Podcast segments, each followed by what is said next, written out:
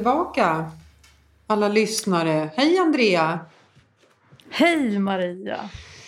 Hur mår vi? Hur mår vi i detta coronaland? Eh, det är faktiskt, med mig är det faktiskt ganska bra. Jag mår bra. Men jag hör ganska mycket konsekvenser av den här uh, isolerade världen vi lever i. Mm. Nu har det ju tagit en ny eh, vändning kan man väl säga i och med den här andra vågen och alla nya restriktioner. Jag tänker lite mm. så här, om vi mådde dåligt i våras och hade lite psykisk ohälsa, hur i hela friden mår vi nu? Ja, För vad nu, tycker du? Nu, nu, upplever jag, många jag träffar, eh, att det finns liksom inget halmstrå att hålla sig i. I våras fanns det så här, ja men snart kommer sommaren, det kommer bli bättre. Det, på något sätt att det, mm, mm. det kändes lite mera hoppfullt, eller? Ja. Nu är vi inne i den mörkaste månaden av dem alla. Vi har en stundande jul framför oss. Vi vet inte hur vi kommer fira jul. Vi vet bara att den kommer bli annorlunda. Det är ju det de säger hela tiden. Ställ in er på att det blir en annorlunda jul.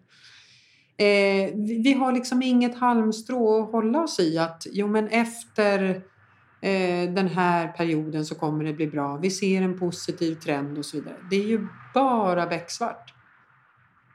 Ja, men eh, precis. Och sammanfattningsvis så kan man väl säga att det som är problem tenderar att bli väldigt stora problem nu. Ja. Det vill säga att förut kan man, man jag menar vi har ju alla utmaningar i livet mm. så, som man jobbar med extra. Men det som är utmanande eller det som är jobbigt det riskerar att bli väldigt mycket mer liksom, tungt för, för vi har färre liksom, flyktvägar om man ska säga så. Ja.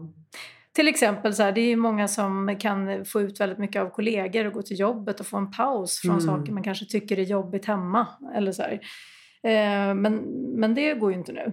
Utan, eh... Nej, och det blev, väl, det blev väl också lite som att dra ner gardinen eh, för oss på Insight Competence och för många. För det, det var ju ändå en hel del som hade börjat gå tillbaka lite grann under augusti, september, oktober. Inte på full tid och hela personalstyrkan men man var inne några få samtidigt, man fick vara inne en eller två dagar i veckan och så vidare. Mm. Och där kände ju jag och många med mig att det gav enormt mycket energi och man fick lite livet tillbaka, det kändes härligt. Och sen så då till att nej, nu får ingen åka in till jobbet. Mm. Eh, nu har ju även de som inte följde restriktionerna helt innan, de har ju verkligen dragit till nu, upplever jag. De stora företagen jag pratar med, där sitter alla hemma nu. Det, är liksom, det är förbjudet att åka till kontoret. Ja. Eh, och det, ja, det är ju ett mörker kan man väl säga. Det är svårt att hitta hitta sin energi. Och jag roade mig faktiskt, Andrea, häromdagen med att lyssna igenom lite avsnitt som vi sände precis i början. Våra första mm. fem avsnitt. Och då pratade vi mycket om det här att vi inte visste hur lång tid det skulle ta och liksom den här energin som gick ner. Och, ja, vi är väl liksom där igen på något sätt. Vi är tillbaka. Ja, ja. Bara det att nu har det blivit ändå ett normalläge att förhålla sig till det. Så att jag menar, det är inte, jag uppfattar ju inte hos mig någon så här, jag går inte runt och tänker så mycket på det faktiskt. Utan jag förhåller mig till det. Mm. Alltså, det har ju blivit en vana på något sätt. Men, men ja. sen tycker jag att det är intressant här, massa saker i arbetslivet som har blivit konsekvensen. Så här, det är ganska många som klagar numera över så här, det typ digitala möten som bara avlöser varandra. Eh, att, för vi har inte riktigt, jag menar, vi har inte använt telefonen på ett normalt sätt på ganska länge. Alltså det här att man bara tar upp och ringer varandra för korta frågor och så. Nej. Eh, och, och, när man jobbar tillsammans på kontoret då är det mycket som man bara pratar om spontant. Så här, nu sitter man och bokar möten. Mm. Digitala möten för allting. Vilket gör att liksom folk har liksom sju, åtta möten om dagen. Sen ska jobbet hinna göras där omkring också. Så här, digitala möten har blivit ett problem för många. Att det, ja. Ja, Att det tar väldigt mycket tid för att man bokar upp en viss tid och sen så ska så blir, ja, man bokar det fast att man skulle kunna bara ringa upp och säga korta saker på telefon Mm. helt enkelt. Men du, du pratar ju ofta om det här med hjärnans påverkan och allting. Jag tänker så här, när man sitter vissa dagar med möten back to back, tittar in i en skärm. Mm. Hur, hur nyttigt är det? Det är Nej, skillnad alltså det när du är ser- på kontoret och går från konferensrum. Det, Ja, absolut. det är ju en enorm skillnad. Eller hur? Ja, alltså det stillasittande i sig är ju negativt. Alltså därför att, därför att, ja men precis som du säger, vi rör oss mindre helt enkelt. Mm. än vad vi gjorde. För att vi också tar oss inte till och från jobb. Så att det finns ganska många eh, risker med det. Sen så just hur hjärnan påverkas, det här blå, det här liksom digitala ljuset som vi utsätts för. Det riskerar ju också att eh, det blir lite, vår, våra melatoninnivåer påverkas ju om vi sitter för länge till exempel. Mm. Alltså man, ja. Eh, så att det här blåa ljuset, det här tror inte jag är så bra faktiskt. Nej. Förstår, alltså att titta på det för mycket. Sådär. Det är svårt att få ihop sina steg. Om man nu ska ta x antal steg Ja. på en dag så är det ju... Ja. Eller hur? För att de har du ju automatiskt fått genom att ta dig till kontoret. Det, det är ju Mm. inte lika självklart nu. Ehm, nej men jag, jag upplever att jag får... Det är mycket... De samtal jag har liksom med kandidater det är ju mycket att man får peppa. Eh, för att många är jätteoroliga nu upplever jag med sina jobb. Eh, framförallt de som inte har några jobb just nu men också de som kanske är på arbetsplatser där det varslas och man är permitterad och vad kommer det leda till och så vidare. Mm. Jag, jag upplever en stor oro bland dem jag pratar med. Ja, men oh ja, absolut. Och jag kan känna också lite att med all rätt för att jag menar, det är väl snart som man börjar se också konsekvenserna i affärer som inte fungerar Mm. under de här omständigheterna, alltså som har blivit jättepåverkade. Och jag menar, det är ju då vi börjar, ja, så det är klart att det finns oro. Mm.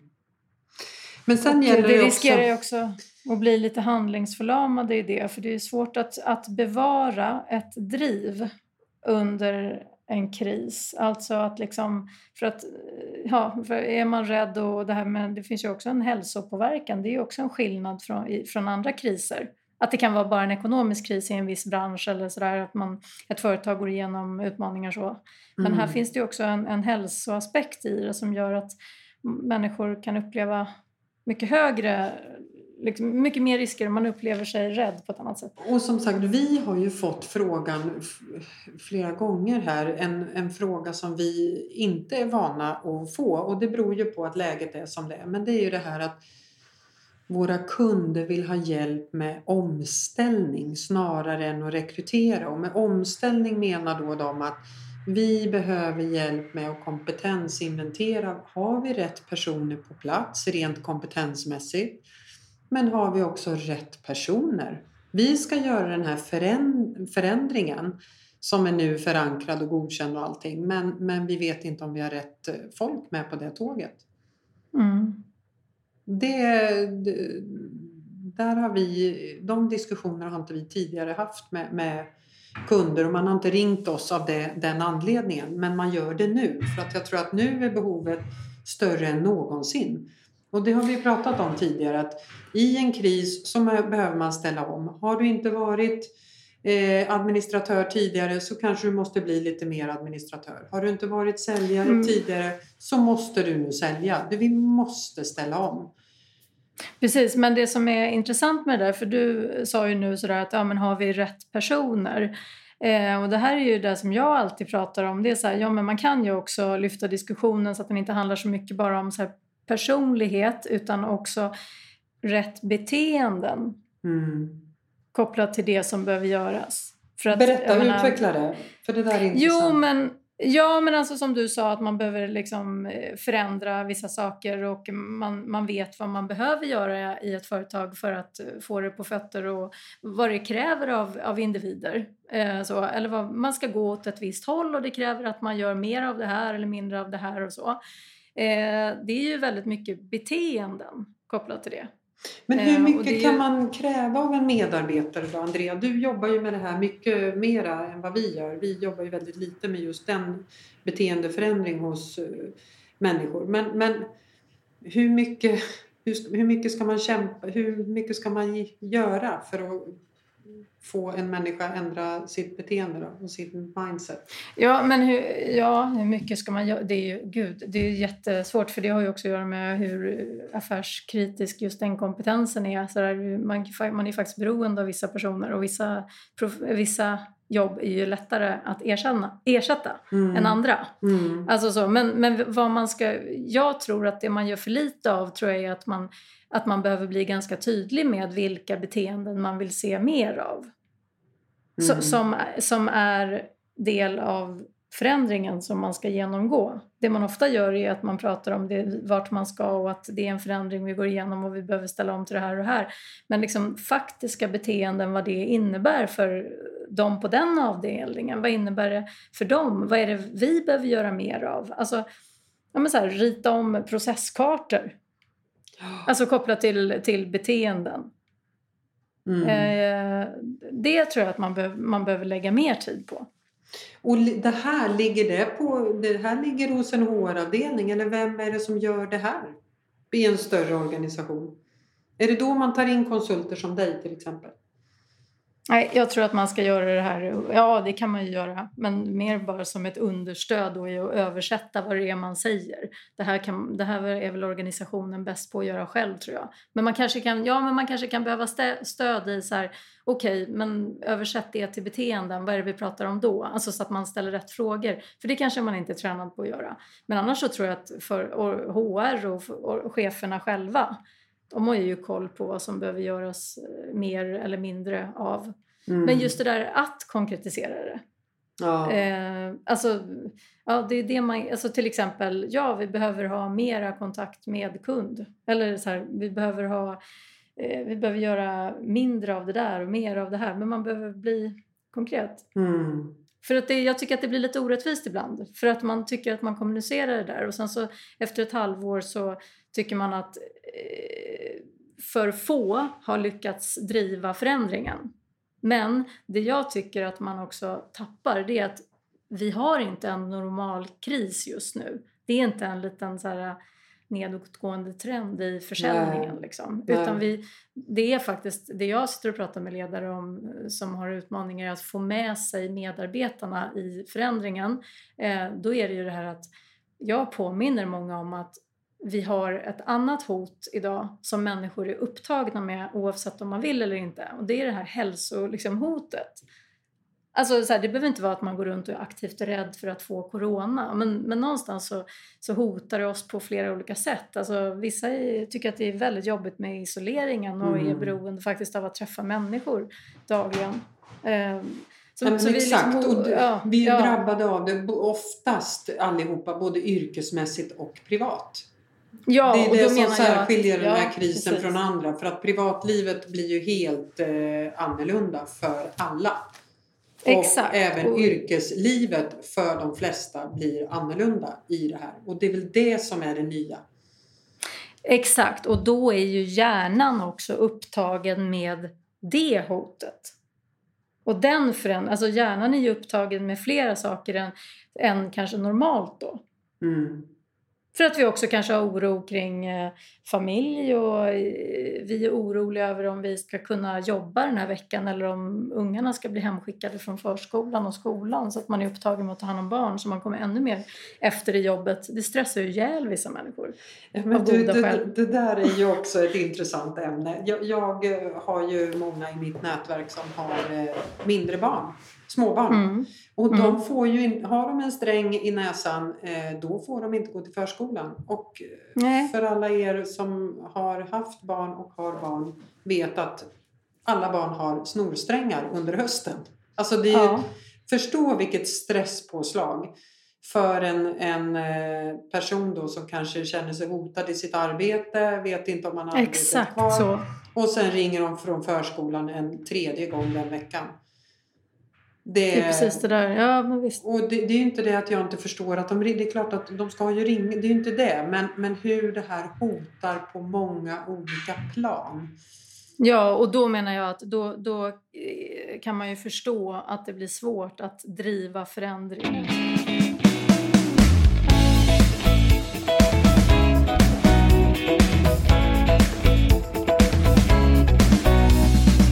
Du som är småbarnsförälder, jag har ju liksom mycket större barn. eh, Men eh, ringer de ofta från förskolan? Ja, men jag tycker att de är ganska toleranta. Nu har vi haft, nu har jag varit frisk ett tag här förut, men i våras var det ju fruktansvärt jobbigt alltså. Mm. Och sen så har han ju haft några veckor som, som han har behövt vara hemma. Så där. Eh, ja, nej, men det har gått ganska bra faktiskt. Jag är glad att eh, barnen får gå i skolan men, men nu läste jag faktiskt i, häromdagen att det var ju eh, risk för att efter jullovet att de får sitta hemma igen. Mm. Och då pratade jag, jag har ju en dotter som fortfarande går i gymnasiet och hon var ju inte glad över det. Att Nej. köra liksom hemundervisning igen men det, det är ju det man pratar om nu. Mm. Och det är ju ganska påfrestande för alla faktiskt. Mm. För att, för att helt plötsligt så ska man då stå som mattant också. Ja, men nu kommer alltså- vi tillbaka till det här vi pratade om i mars. Det här som var så sjukt jobbigt att ha alla hemma och ingen Ja. är riktigt tillfreds för att alla behöver fylla på energi och det får vi inte för vi får inte umgås och vi får inte vara på jobbet, vi får inte vara i skolan, vi får inte träna våra idrotter som vi har hållit på med, alltså dessa ungdomar då.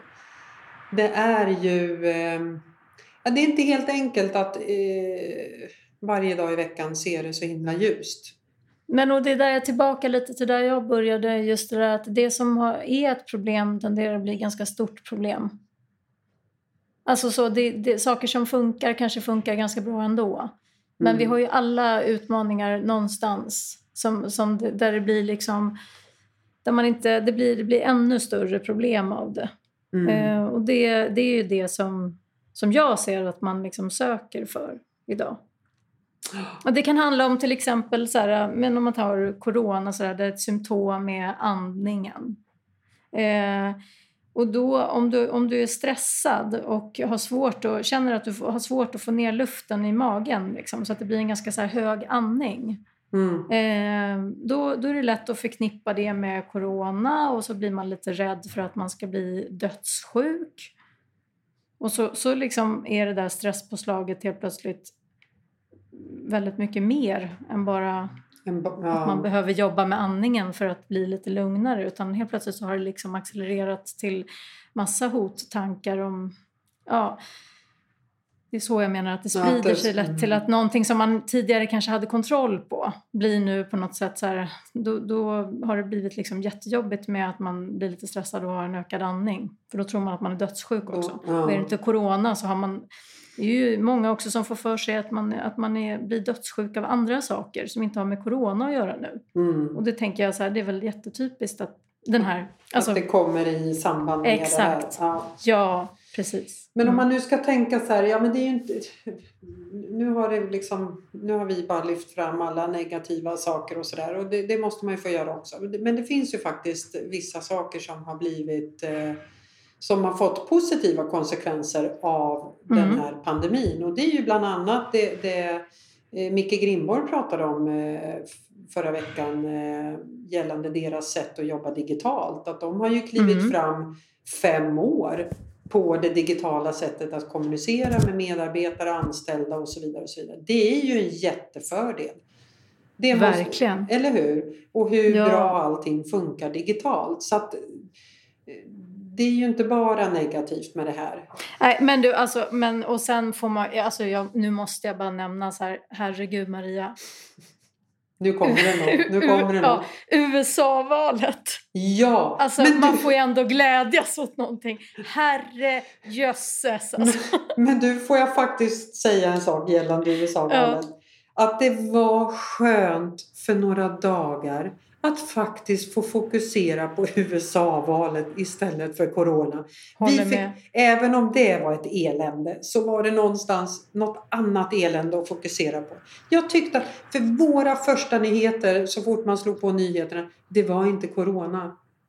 Det var USA-valet och det, jag måste säga att det var skönt att få fokusera på något annat. Sen fick du ju en positiv utgång, eh, absolut. Men eh, ja, Ja men alltså, ja verkligen. Nej, men alltså, där känner man tacksamhet faktiskt. Nu är väl en liten utmaning med hur man ska liksom få ut den här människan då ur mm, Vita huset. mm. Och jag har ju hört så mycket roliga idéer kring det. Ja, men det, snacka om att kreativiteten ökar här nu. Det finns ju massor med olika sätt att få ut den där eh, kolossen. Ja, Eh, en av de bättre tycker jag är eh, eh, vad heter det, Mia Skäringer och Anna Mannheimer. mhm. De, hade ju lite, de har ju förslag på att man skulle anordna en lite så här nakenparad. Med liksom så här nakna kvinnor som liksom, alltså så här någonstans så, att, så att man liksom dansar ut honom lite grann.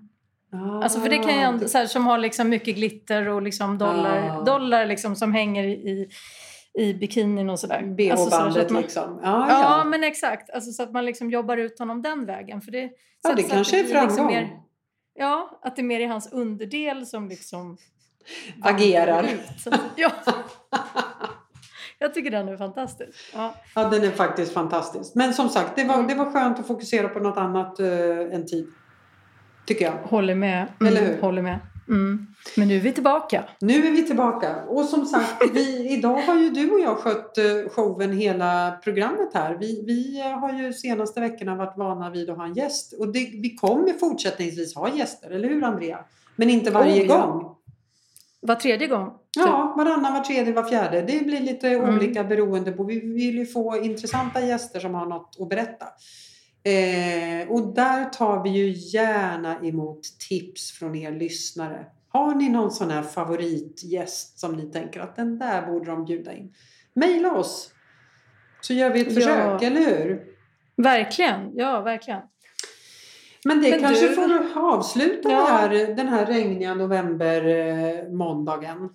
Själv har jag varit uppe sedan 05.20 så det blir sängläggning 20 05. Men min fråga till dig är varför går du upp så tidigt? Är det din fyraåring som vaknar den tiden? Eller är det du Ja, som vaknar? Tre, nej, det, det, igår så var det det. Då somnade jag 20 över 8. Så då är jag ganska klar 20 över 5. Ja, det förstår jag.